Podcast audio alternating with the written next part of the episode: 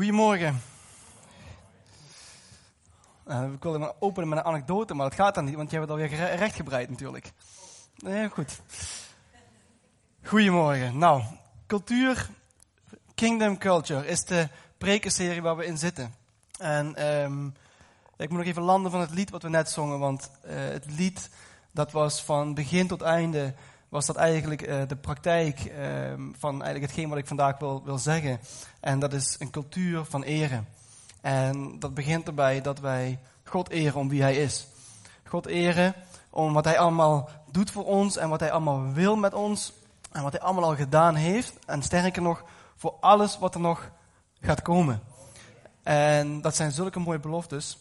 Um, ik werd enthousiast inderdaad van Kingdom Culture, uh, Koninkrijk hier op aarde laten, zichtbaar laten zijn um, door ons heen.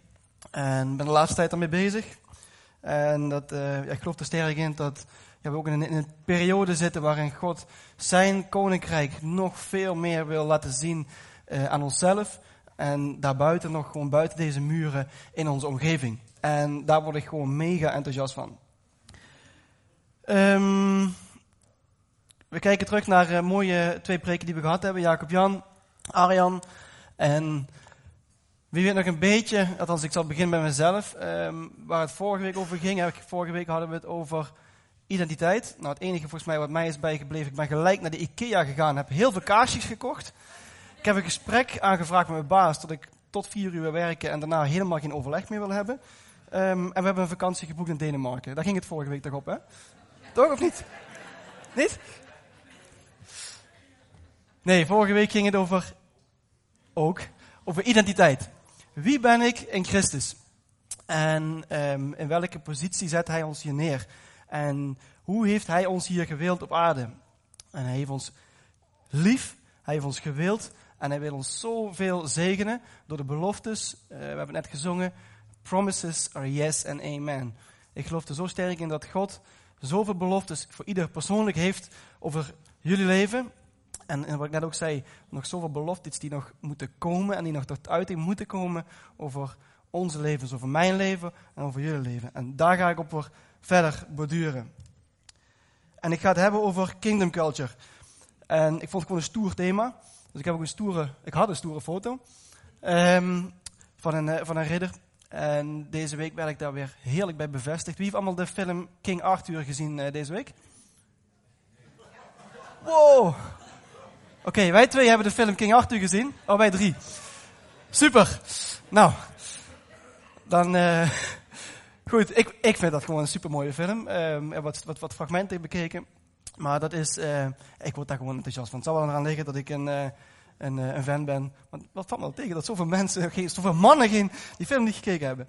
Maar die film, dat laat ook zoveel zien. En die oudere films uh, eren. Een koninkrijk waar geëerd wordt. En daar wil ik het over hebben.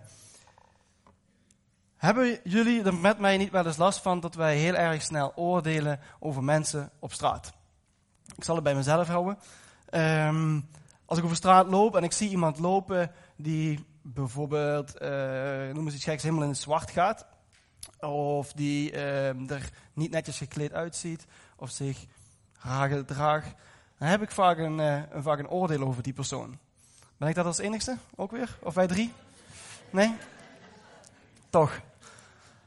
Dan hebben we vaak een oordeel over die ander. Als ik op mijn werk ben en iemand die, ik wil bijna zeggen, valt me lastig. Of die stoort me in mijn werk. Of die komt met lastige vragen. Dan denk van, man. Dan heb ik heel snel een oordeel over die persoon. En dan ben ik geneigd om die persoon daarop te beoordelen, te veroordelen. En niet te kijken naar hetgeen wat in die persoon zit. En dat is iets wat ik de laatste tijd, de laatste jaar echt mee bezig ben van, oké, daar wil ik mee, wil ik mee breken. Daar wil ik mee afrekenen, omdat ik er heel sterk in geloof dat um, wij onszelf en onze naasten moeten gaan eren. En als we gaan kijken naar mensen um, en mensen de eer werkelijk gaan geven, dan kijken we verder dan alleen de buitenkant. En dan gaan we kijken naar wat zit er in de binnenkant van die persoon. En dan gaan we niet kijken naar de negatieve kanten, maar dan gaan we ons richten op de positieve kanten. Ik geloof erin dat de kerk is opgeroepen om mensen te eren. Ik geloof dat de kerk een orgaan, een, een, een huis is waarin we elkaar mogen gaan eren en moeten eren. En dan wil ik vandaag aanhalen met, met voorbeelden.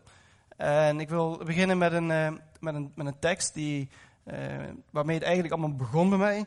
Waar ik door geraakt werd, waar ik in zie dat hoe belangrijk het is om iemand te eren. En dat staat in Marcus 6, vers 1 tot en met 6.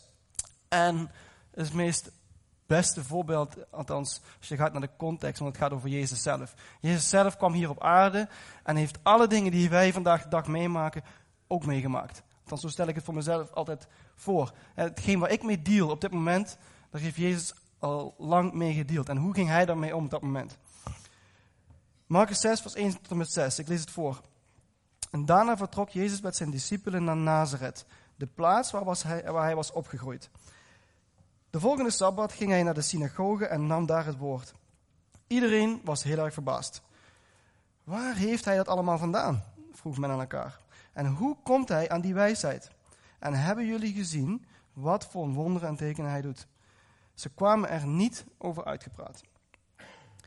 Dit is toch die timmerman, de zoon van Maria, de broer van Jacobus en Jozef en van Judas en Simon. En zijn zusters wonen toch ook hier in Nazareth? Wat verbeeldt hij zich toch wel?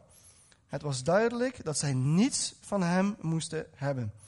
En in vers 4, Jezus zei, een profeet wordt door iedereen geëerd, maar niet door de mensen in zijn eigen stad en ook niet door zijn familie. Omdat zij wantrouwig waren, kon hij bij hen geen wonderen doen. Wel genas hij een paar zieken door hun handen op te leggen. Hij verbaasde zich erover dat de mensen hem niet geloofden. Hij trok de omliggende dorpen langs en sprak daar wel over God. Ik heb deze tekst twee of drie keer moeten lezen om te laten doordringen in wat voor een dilemma Jezus hier op dat moment zat. Hij trok terug naar Nazareth, de plek waar hij um, 30 jaar lang is opgegroeid, waar hij zijn tienertijd, zijn jeugd, zijn jonge volwassenheid heeft meegemaakt, waar hij de mensen heeft uh, die, uh, die die vertrouwt, de mensen die hij kent door en door. Daar gaat hij naar terug. En hij wil daar dienen. Hij wil daar uitstappen. Hij wil daar de beloftes die zij over zijn leven zijn uitgeroepen, wil hij gaan uiten. Hij wil mensen genezen, hij wil wonderen verrichten, tekenen, hij wil woorden spreken, hij wil preken. Maar hij krijgt geen ruimte. Ik denk, wat ik hieruit haal is, waar eer is, kunnen wonderen en tekenen gebeuren. Waar eer is, kan God werken door iemand heen. Ware eer viert mensen om wie ze zijn in Christus.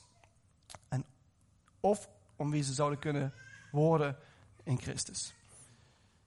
Ik geloof erin dat Jezus hier, eh, op het moment dat hij geëerd werd, dat hij door het middel dat toen hij geëerd werd, dat hij wonderen en tekeningen kon doen.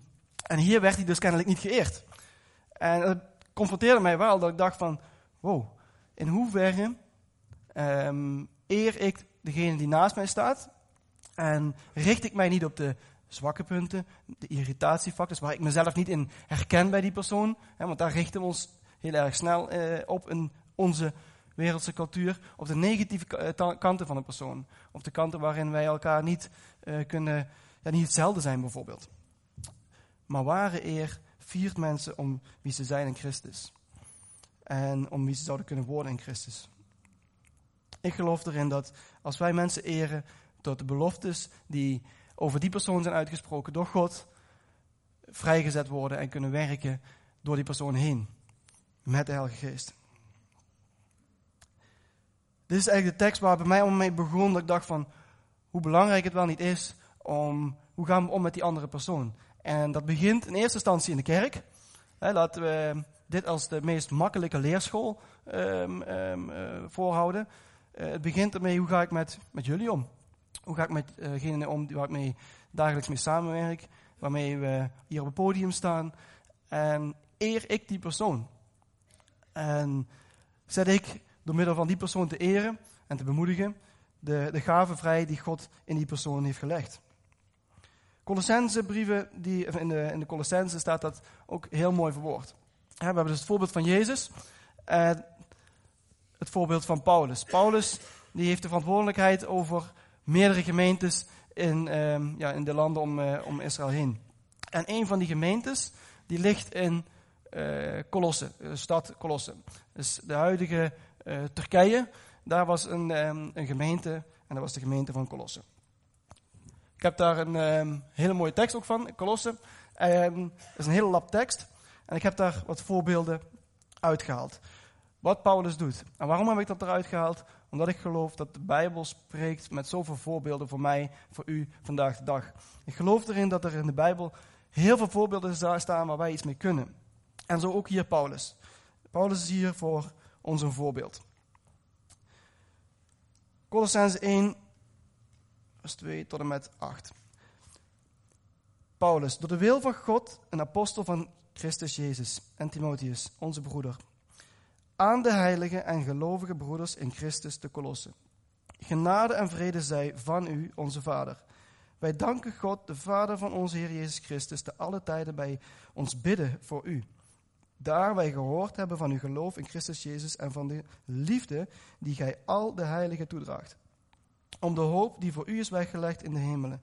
Daarvan hebt gij tevoren gehoord in de prediking der waarheid, het evangelie.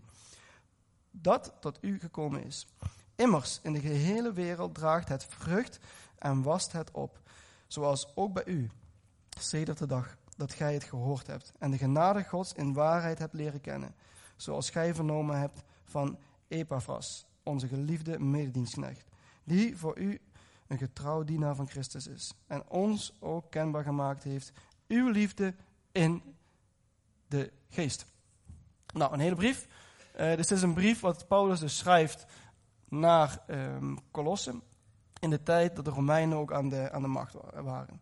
dus er was een keizer aan de macht. En een paar dingen wat mij hier opvallen is dat uh, Paulus gelijk begint met het eren van de gemeente in Colosse. En Colosse, zeg het maar gewoon, ik kan ook, wilde eigenlijk neerschrijven, gewoon uh, schinnen. Um, maar hij schrijft dus een brief naar een willekeurige gemeente daar in, uh, in Colosse. En hij begint al met te zeggen, um, hij noemt ze al gelijk heiligen. Dus hij begint al gelijk, jullie heiligen. Dus hij begint de brief al gelijk met, oké, uh, dit zijn jullie in Christus. Dit zijn jullie. Jullie zijn geliefd, jullie zijn gewild en God noemt jullie heiligen. Zo opent hij de brief. En hij bemoedigt ze al gelijk in de eerste zin met, uh, met, met, dit, met dit statement. In Kolosse 1, vers 4 tot en met 6 daar zegt hij, gaat hij iets vertellen over de andere heiligen. De kerk heeft de andere heiligen lief. De kerk is dus de perfecte plek om andere mensen te eren. En ik denk als we dat al niet doen in onze eigen gemeente, hoe lastig is het dan om uh, buiten de muren van dit gebouw mensen te eren. Dus hij spoort hier ook aan, al de heiligen, uh, zegt hij in, in, in vers 4, um, draagt, dragen ze de liefde uit. En helemaal aan het einde zegt hij iets over de liefde. En we kennen het begrip agape ook wel. Uh, er staat de liefde in de geest. Um, wat ik hier uithaal is dat de liefde die de gemeente hier uitdraagt in Kolossen, op een gegeven moment wordt dat de liefde in de geest. En dan gaat de geest zich daarin in vermengen. En als de geest, agape, we kennen ook de, de brief van de 1 Korinthe 13, hè, de, de, de liefde tekst van de liefde. Als de geest zich daarmee gaat bemoeien, als de geest gaat werken, ja, dan, kan, dan, dan kan je niet meer stil blijven zitten om het te gaan uitdragen hier buiten deze muren.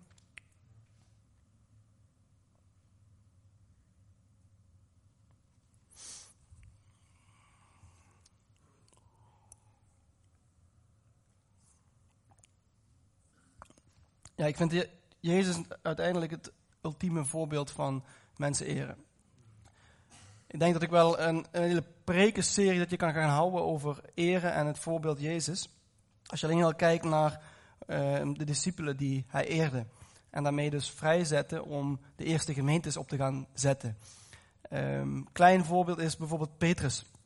Uh, Petrus die met al zijn uh, problemen, al zijn vragen, al zijn issues, al zijn fouten die hij maakte, zie je iedere keer weer dat Jezus terug naar hem gaat en hem vrijzet. Terug naar hem gaat en hem eert om wie hij is. En daarmee dus de beloftes die over Petrus waren uitgesproken, die over Petrus zijn uitgesproken, ook voor de toekomst, daarmee vrijzet. Waarop hij dus een gemeente gaat bouwen. En als Jezus deze mensen al wil eren, dan vraag ik mezelf af, wat vraagt hij dan van mij? Als Jezus al het verlangen had om om te zien naar die ene persoon, waar hij zoveel liefde en eer aan gaf, om dat uit te dragen, wat vraagt hij dan van mij om te doen in mijn omgeving? hoeveel mensen in onze omgeving kennen God nog helemaal niet? Als ik zie vandaag de dag op mijn werk of ehm, mijn buren bijvoorbeeld, gisteren weer een, een, een gesprek ermee gehad, dat je denkt van, hoeveel vragen zitten er wel niet verstopt achter de vragen die ze stellen, um, met een zoektocht van, man, wat is, ik ben op zoek naar iets wat ik niet kan vinden. En ik ga je ook niet vertellen dat ik op zoek ben naar God natuurlijk, want dat zeggen ze niet. Um, maar je proeft zoveel honger en zoveel, um, ja, echt een zoektocht bij mensen uh, in, je, in, in, je nabijheid, die eigenlijk, waar je eigenlijk vanzelf al weet van, man, wat heb jij God hard nodig. Man, wat kan jij een rust vinden als je eenmaal in het koninkrijk bent gekomen van God. Herkennen jullie dat ook in je omgeving? dat als je gesprekken voert uh, met, uh, met mensen in je omgeving, tot het gek genoeg bijna altijd eindigt op het feit van, oh, dus je gaat naar een kerk. Of tot het uit in een gesprek van waarden en normen in de, in de maatschappij. En tot altijd een kapstokje aan me gegeven wordt van, oké, dit is nu een moment dat ik iets kan gaan vertellen over wie hij is, of waar ik voor sta. Je ziet in je omgeving dat het gewoon en keihard nodig is dat we om ons heen mensen gaan eren. En door middel van de mensen gaan, te gaan eren, dat we kunnen gaan uitdragen wie zij zijn in Christus. Want dat is wat God eigenlijk wil. God wil dat uh, iedereen gaat zien wie zij zijn in Christus. En daar heeft hij ons bij nodig. God, Jezus is niet hier en loopt hier niet rond, maar hij, wij zijn zijn, um, zijn, zijn ledematen, zal ik maar zo zeggen. Wij zijn zijn, zijn tool om dat tot uiting te brengen. En daar ligt een opdracht voor ons. Jezus deed er alles aan om die ene persoon te redden. Vorige keer toen ik hier stond heb ik het gehad bijvoorbeeld over uh, de verloren zoon. Over um, Hooglied, waarin um, die jonge dame aan het zoeken is door de woestijn. Hè, een periode van stilte, van, van zoeken. En tot over de heuvels hij aankomt gerend. Ook de verloren zoon. Hè, dat die vader zijn zoon ziet aankomen. En zodra wij één stap zetten, dat hij aangerend komt. Echt gerend komt om al die andere stappen te zetten richting ons. En dat is mijn Jezus. Dat is mijn God. Die er voor ons klaar staat. En zo'n verlangen heeft. Dat er brandt in hem. En ja, dat hij eh, daar ons in wil gebruiken. Colossense 4 vers 5. 1 Colossense 4 vers 5 legt ook uit uh, hoe wij moeten omgaan met die buitenstaanders. Klinkt hier een beetje creepy. Um, maar hier staat um, in Colossense 4 vers 5. Gedraag u als wijze ten opzichte van hen die buiten staan. Maakt u de gelegenheid ten nutte. Uw spreken zijt in alle tijden aangenaam, maar niet zoutloos. Gij moet weten hoe gij in ieder het juiste antwoord moet geven. Wat haal ik hier uit? Buitenstaander staat hier. Hè, mensen die hier buiten onze kerk zijn. Mensen die uh, God nog niet kennen. En wat ik de laatste tijd voor mezelf zo sterk gemerkt heb, is van op welk moment kies ik ervoor om iets te gaan vertellen over waar ik voor sta. Om iets te gaan vertellen over hoe goed hij wel niet is. En dat lees ik hier ook. Maak u de gelegenheid ten nutte. Met andere woorden, denk goed na over het moment uh, wat je gegeven wordt en kies ervoor of het wel te benutten of om het niet te benutten. Er zijn ook momenten dat ik ervoor kies om bijvoorbeeld even niks te zeggen. En um, het zaadje maar even te laten liggen, rusten, waar die ligt. En ik er heilig van overtuigd ben dat de Heilige Geest de rest wel doet. En er zijn momenten dat ik denk van oké, dit is niet het juiste moment, er is geen openheid.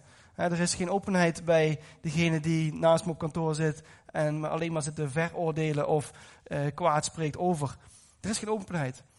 En gek genoeg, schande doet leren, dan na een tijdje, en meestal is het ook niet eens zo'n hele lange tijd, komt diezelfde persoon bij je terug met vragen dat je denkt van, oké, uh, ik dacht dat jij geen interesse had.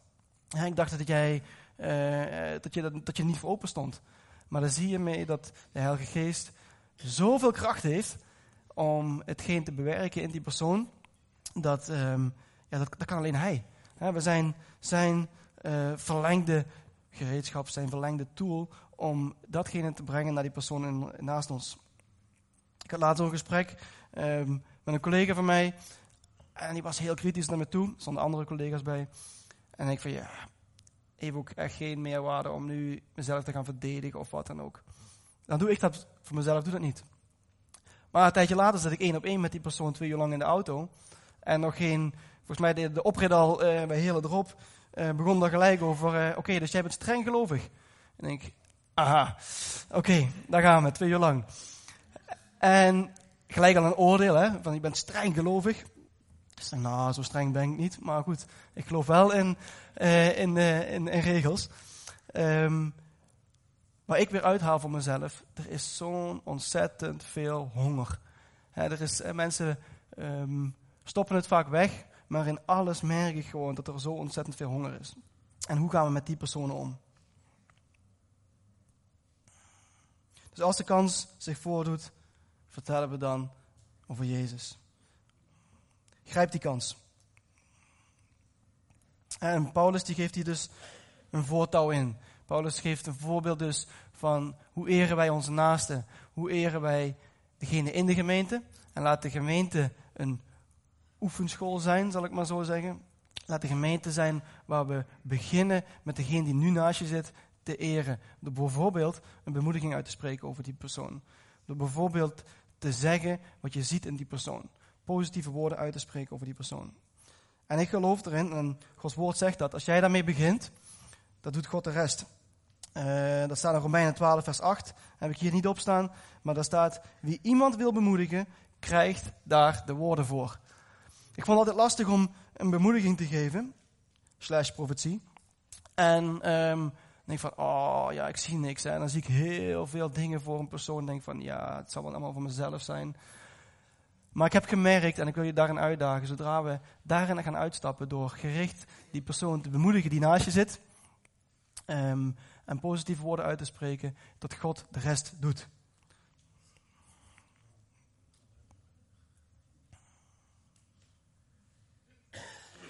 Het is soms moeilijk om uh, dit te doen, wat ik nou allemaal zeg, als we denken dat die andere persoon het niet verdiend heeft.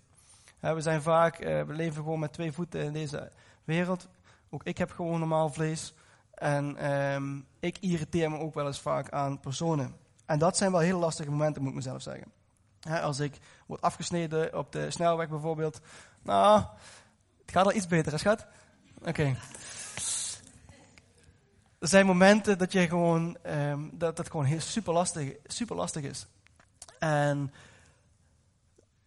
daar wil ik je uitdagen om dan alsnog erin te gaan staan om ervoor te kiezen om die andere persoon te eren. En ook daar zijn we gewoon normaal mensen. Hè?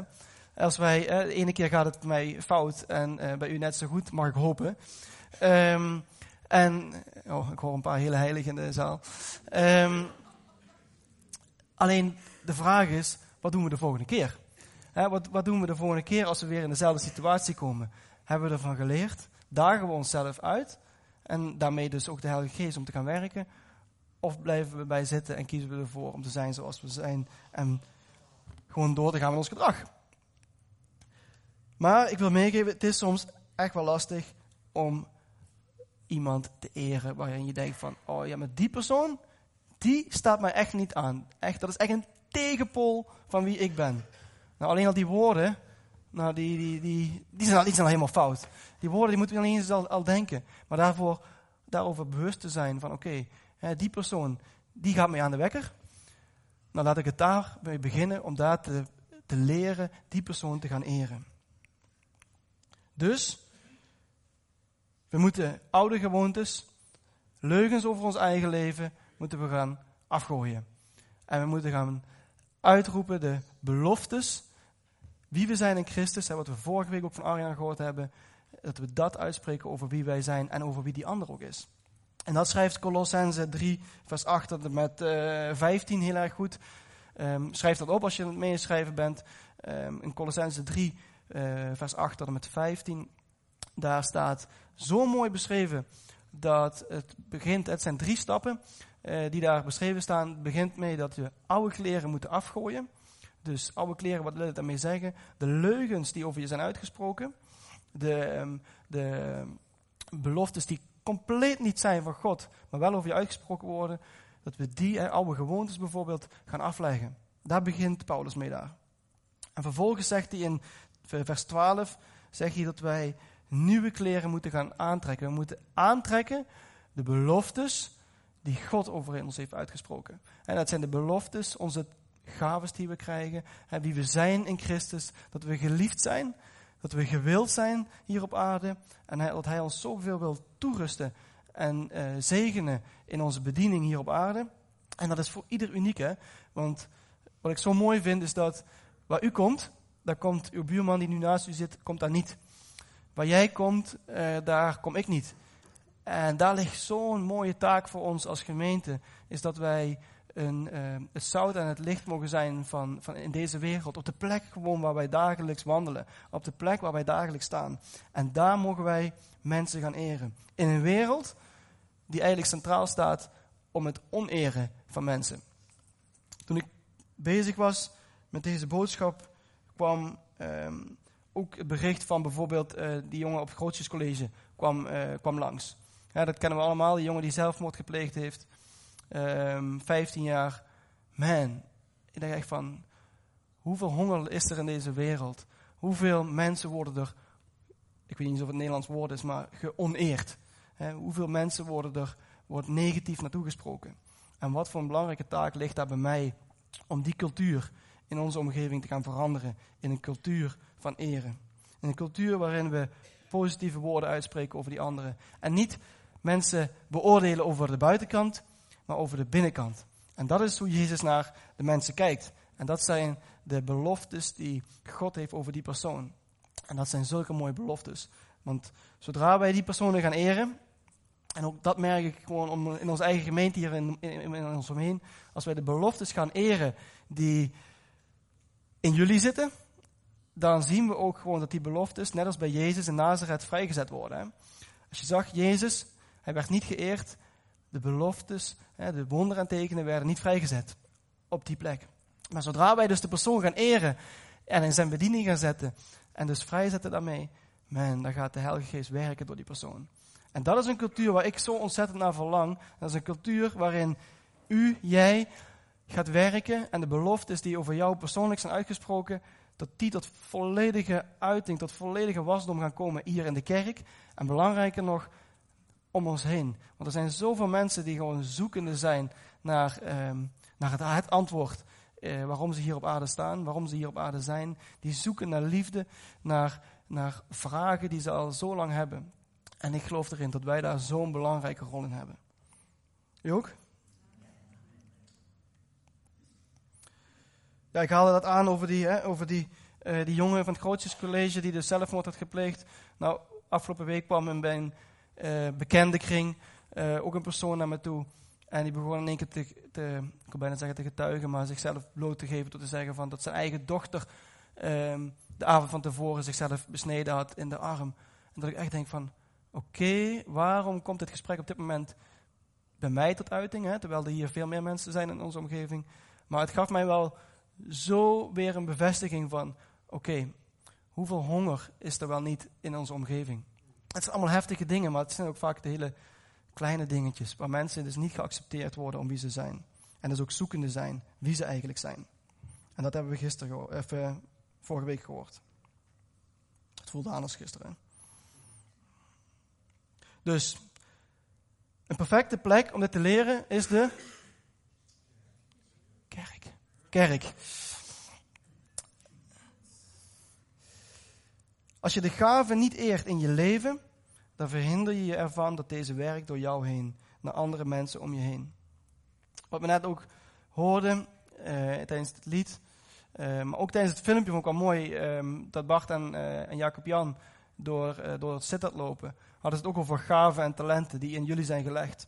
Ik geloof erin dat er hier nog gaven en talenten liggen die nog niet tot volledige uiting zijn gekomen. En waarin God eigenlijk staat te wachten ehm, dat die vrijgezet gaan worden. En dat jij in je bediening gaat staan welke God beloofd heeft en welke God heeft weggelegd voor jou. De Bijbel, Bijbel zegt ook, heb je naaste lief als jezelf. En het staat daar niet letterlijk, maar ik heb voor mezelf een, een, een, een Bijbeltekst gemaakt. en daar staat in, um, eer je naaste als jezelf. Um, als ik mijn naaste begin te eren, um, dan moet ik dus kennelijk ook mezelf eren. Eer ik de beloftes, de gaven en talenten die over mijn leven zijn uitgegeven, eer ik die of stop ik die weg? Ja, ik heb talenten gekregen, uh, maar Gods geest heeft ook heel veel gaven die hij heeft klaarliggen voor mij. Uh, en die ik mag, mag, mag ontvangen en die ik mag inzetten. Maar eer ik die überhaupt en doe ik daar iets mee? Ik geloof erin dat als ik die gaven en talenten van mijn eigen, of mijn eigen leven ga eren, dat ook God dan tot, uh, tot eer komt en dat die gaven, die beloftes, tot eer voor hem mogen ingezet mogen worden. Eén zo'n um, zo'n uh, ja, meegever, noem ik het maar, is um, wat superkrachtig is en wat ik net ook al aanhaalde, is het bemoedigen van andere personen om ons heen. En ik denk dat het wel het meest simpele ding is om mee te beginnen. En merkte dat vorige week ook al, vond ik echt super krachtig ook vorige week, hè, dat we in de gemeente uh, ook de ouderen mochten bemoedigen. Uh, Nens deed dat uh, door naar voren te gaan en iets wat ze op haar hart had te delen. En ja, dat sloeg in, want wat u niet weet, is dat na de dienst drie andere personen nog deelden, dat ze precies aan dezelfde persoon moesten denken die vorige week naar voren werd gehaald. Hoe vet is dat? En die persoon dat is ook weer een bemoediging voor degenen die dat vorige week gedeeld hadden. Van, laat, dat, laat dat zijn als een bevestiging dat het God is die tot je spreekt. Het geven van bemoedigingen. Ik denk dat we veel te weinig bemoedigingen geven aan elkaar. We leven in een cultuur van afbranden, van het negatieve zien in die anderen. Maar uh, we leven absoluut niet in een cultuur van, uh, en dan heb ik het over een cultuur hier in Nederland. Hè. En we leven dus niet in een cultuur waarin we dus um, het positieve in die anderen benoemen en uitspreken over die anderen. We zijn heel snel geneigd, als ik alleen al naar mijn eigen werk kijk, um, om allemaal negatieve dingen aan te halen over iemand anders. Uh, en het negatieve te benoemen. Tegenover één ontmoediging, weet je hoeveel bemoedigingen daar tegenover moeten komen te staan? Is bewezen, hè? Is niet van mij. Iemand? Twintig. Als Nico daarmee begint, dan zeg ik amen. Zeven waren het er. Maar begin maar eens met twintig. Tegen één ontmoediging moeten zeven bemoedigingen staan om dat weer recht te zetten. En hoe vaak doe ik het niet zelf dat ik iets, iets ontmoedigends, ontmoedigends over iemand anders zeg? Hoe vaak benoem ik dat? Maar hoe vaak denk ik wel niet iets bemoedigends over iemand hier in de zaal of iemand naast mij en spreek het niet uit? En sterker nog, ik denk soms dat ik het uitgesproken heb. Um, dan heb ik het met andere personen thuis erover van, boah, echt super vet, super krachtig wat die persoon gedaan had. En dan hebben we het erover en dan lijkt het mezelf, als iemand me zou vragen, heb je dat ook tegen die persoon gezegd? Ja, heb ik ook gezegd tegen die persoon. Dan denk ik van, nee, wacht, heb ik helemaal niet tegen die persoon gezegd. Ik denk dat we het vaak, heel vaak denken, heel vaak bemoedigende woorden, dus positieve woorden over die andere persoon denken, maar vergeten uit te spreken. Althans, ik heb daar heel erg last van. En hoe krachtig zou het zijn dat we, en daar kies ik voor en daar wil ik jullie in uitdagen, hoe krachtig zou het zijn dat we dus, zodra we iets denken over een ander, hè, begin daar hier in de gemeente mee. Dat is een super makkelijke en leuke leerschool gewoon. Um, maar hoe mooi zou het zijn als we iets denken over een andere persoon, um, en dat zijn positieve woorden, om die ook gewoon uit te spreken. En niet eerder naar huis te gaan, omdat uh, dat je die, dat ook hebt uitgesproken over die persoon. Een persoon die net iets uitstapt, of die, weet ik veel, voor het eerst iets doet, of die achter de koffietafel staat, of het welkom doet, of die er gewoon ontzettend mooi uitziet op zondag. Dat mag je gewoon zeggen tegen elkaar. Dat zijn positieve woorden.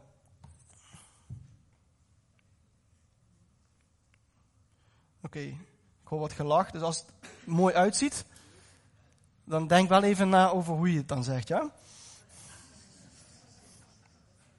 Er zijn altijd mensen die dat weer misbruiken. Hè? Nou, misschien komen er wel weer nieuwe relaties tot stand. Dat zou toch mooi zijn? Goed. Nee, hoe belangrijk is het dat we beginnen met uh, het uitspreken van positieve woorden over elkaar. En echt, het is zo vaak dat we het dus denken, maar niet doen. En sterker nog, ook daar, Romeinen, hè, wat ik net aanhaalde, zodra wij beginnen te bemoedigen, het staat gewoon in zijn woord, hè, dan vult hij het aan. Omdat zijn geest, die is in ons. We hebben een vernieuwd hart. We hebben dus een, een, een, een nieuw hart hebben we dus gekregen. Um, en ons, de Heilige Geest die woont daarin. En zodra wij woorden gaan uitspreken over andere personen, nou, geheid, dan, dan gaat God werken en dan gaat God bevestigen. Um, ik vond het lastig, ik vind het lastig, nog steeds. Um, maar ik weet wel, zodra ik mezelf erin um, laat uitstappen, dus zodra ik het ga doen en ervoor kies, dat God de rest doet. En dat het ook niet mijn verantwoordelijkheid is meer dat God het verder gaat bewerkstelligen. Maar dat de Heilige Geest is die gewoon vrijgezet wordt. En die het gaat bevestigen door u of door jou, ook naar die persoon toe. Vorige week was daar nogmaals een heel mooi voorbeeld van. Wat zou er gaan gebeuren als de kerk een plaats zal zijn waarin we elkaar gaan bemoedigen en gaan eren? Nou, ik geloof erin dat er een cultuur in de wereld gaat veranderen, een cultuur in Nederland kan veranderen die onmiskend is. Ik geloof erin dat een cultuur van oneren en elkaar kleineren in Nederland of waar dan ook, dat die doorbroken alleen kan worden door een kerk. Door een kerk waarin wij zitten, door de Heilige Geest die door ons heen werkt. En dat wij het alleen zijn die daar verandering in kunnen brengen. En ligt een, daar ligt een opdracht voor ons. En die voelt misschien zwaar, maar nogmaals, die is helemaal niet zwaar. Want hoe mooi is het als je, en ik daag je daar ook in uit, van stap daar ook in uit in je omgeving, hè, in je werk. Van hoe makkelijk is het om gewoon een bemoedigend woord uh, uit te spreken op je werk. Ik had van laatst een heel leuk gesprek op mijn werk. En ik heb niks gezegd van God, uh, Heilige Geest of weet ik veel. Maar die persoon die, die kwam in een issue en die zat ergens mee. Maar zo kunnen bemoedigen over wie hij is en hoe sterk hij wel niet is. En ik heb het niet gezegd, maar hoe Jezus hem ziet. Dat die persoon helemaal nieuw naar buiten ging. En het gaat niet om, om, om, om, om mij, maar je zag wel hoeveel um, autoriteit, hoeveel kracht ligt er wel niet in ons ter beschikking om die ander uh, weer vrij te gaan zetten en in de uh, belofte te gaan zetten die Jezus ook over hem heeft uitgesproken. Want uiteindelijk gaat het erom, die persoon die God nog helemaal niet kent. Hoe ziet Jezus die persoon? En um, die persoon die stond echt met hele grote ogen te kijken. Uh, en dan heerlijk als mannen onder elkaar. En um, ja, die had er nog nooit, nog nooit, nog nooit gehoord. Daar schrok ik ook van. Nog nooit gehoord dat iemand iets, zo, iets over hem zei. Hoeveel kansen liggen er voor ons wel niet als kerk om dat te gaan doen bij onze buren? Om dat te gaan doen bij onze collega's? Ik denk dat daar een taak ligt voor de kerk om uit te gaan stappen naar de mensen om ons heen. Ik word ontzettend enthousiast daarvan um, als ik dat filmpje alleen al zie dat, um, dat we iets uh, spannends gaan doen zoals Pop-Up Church. hoe mooi zou het zijn als, uh, als wij dadelijk als kerk zijn, een kerk mogen zijn in de omgeving, waarin iedereen weet, als we daar binnenkomen, daar worden we geëerd. Daar worden we bemoedigd, daar worden positieve woorden over mij uitgesproken. Als dat een plek mag zijn, wat een veilige haven mag zijn voor zoveel mensen die Jezus nog niet kennen. Want nogmaals, en dat hoef ik niet te vertellen, want dat weten jullie net zo goed. Er zijn ontzettend veel mensen in onze omgeving die gewoon echt gewoon zoekende zijn. En die maar dit nodig hebben om naar Jezus toe te komen. En dat gaat echt niet um, um, door onze eigen kracht, maar dat is gewoon de Heilige Geest die door ons en door jou heen werken. Willen wij het zout zijn in deze wereld? Wil vragen of de band alvast naar voren komt.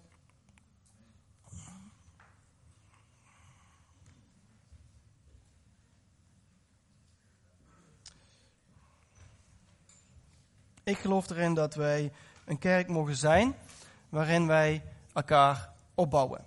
En nogmaals, de tekst ehm, van Jezus in Nazareth, waarin eh, vers 4 stond dat hij niet geëerd werd. Knop dat misschien knop dat tussen je oren van eer ik die persoon die hier naast me staat in de kerk. Eer ik die persoon. Het is heel makkelijk om Bart bijvoorbeeld te eren als voorganger.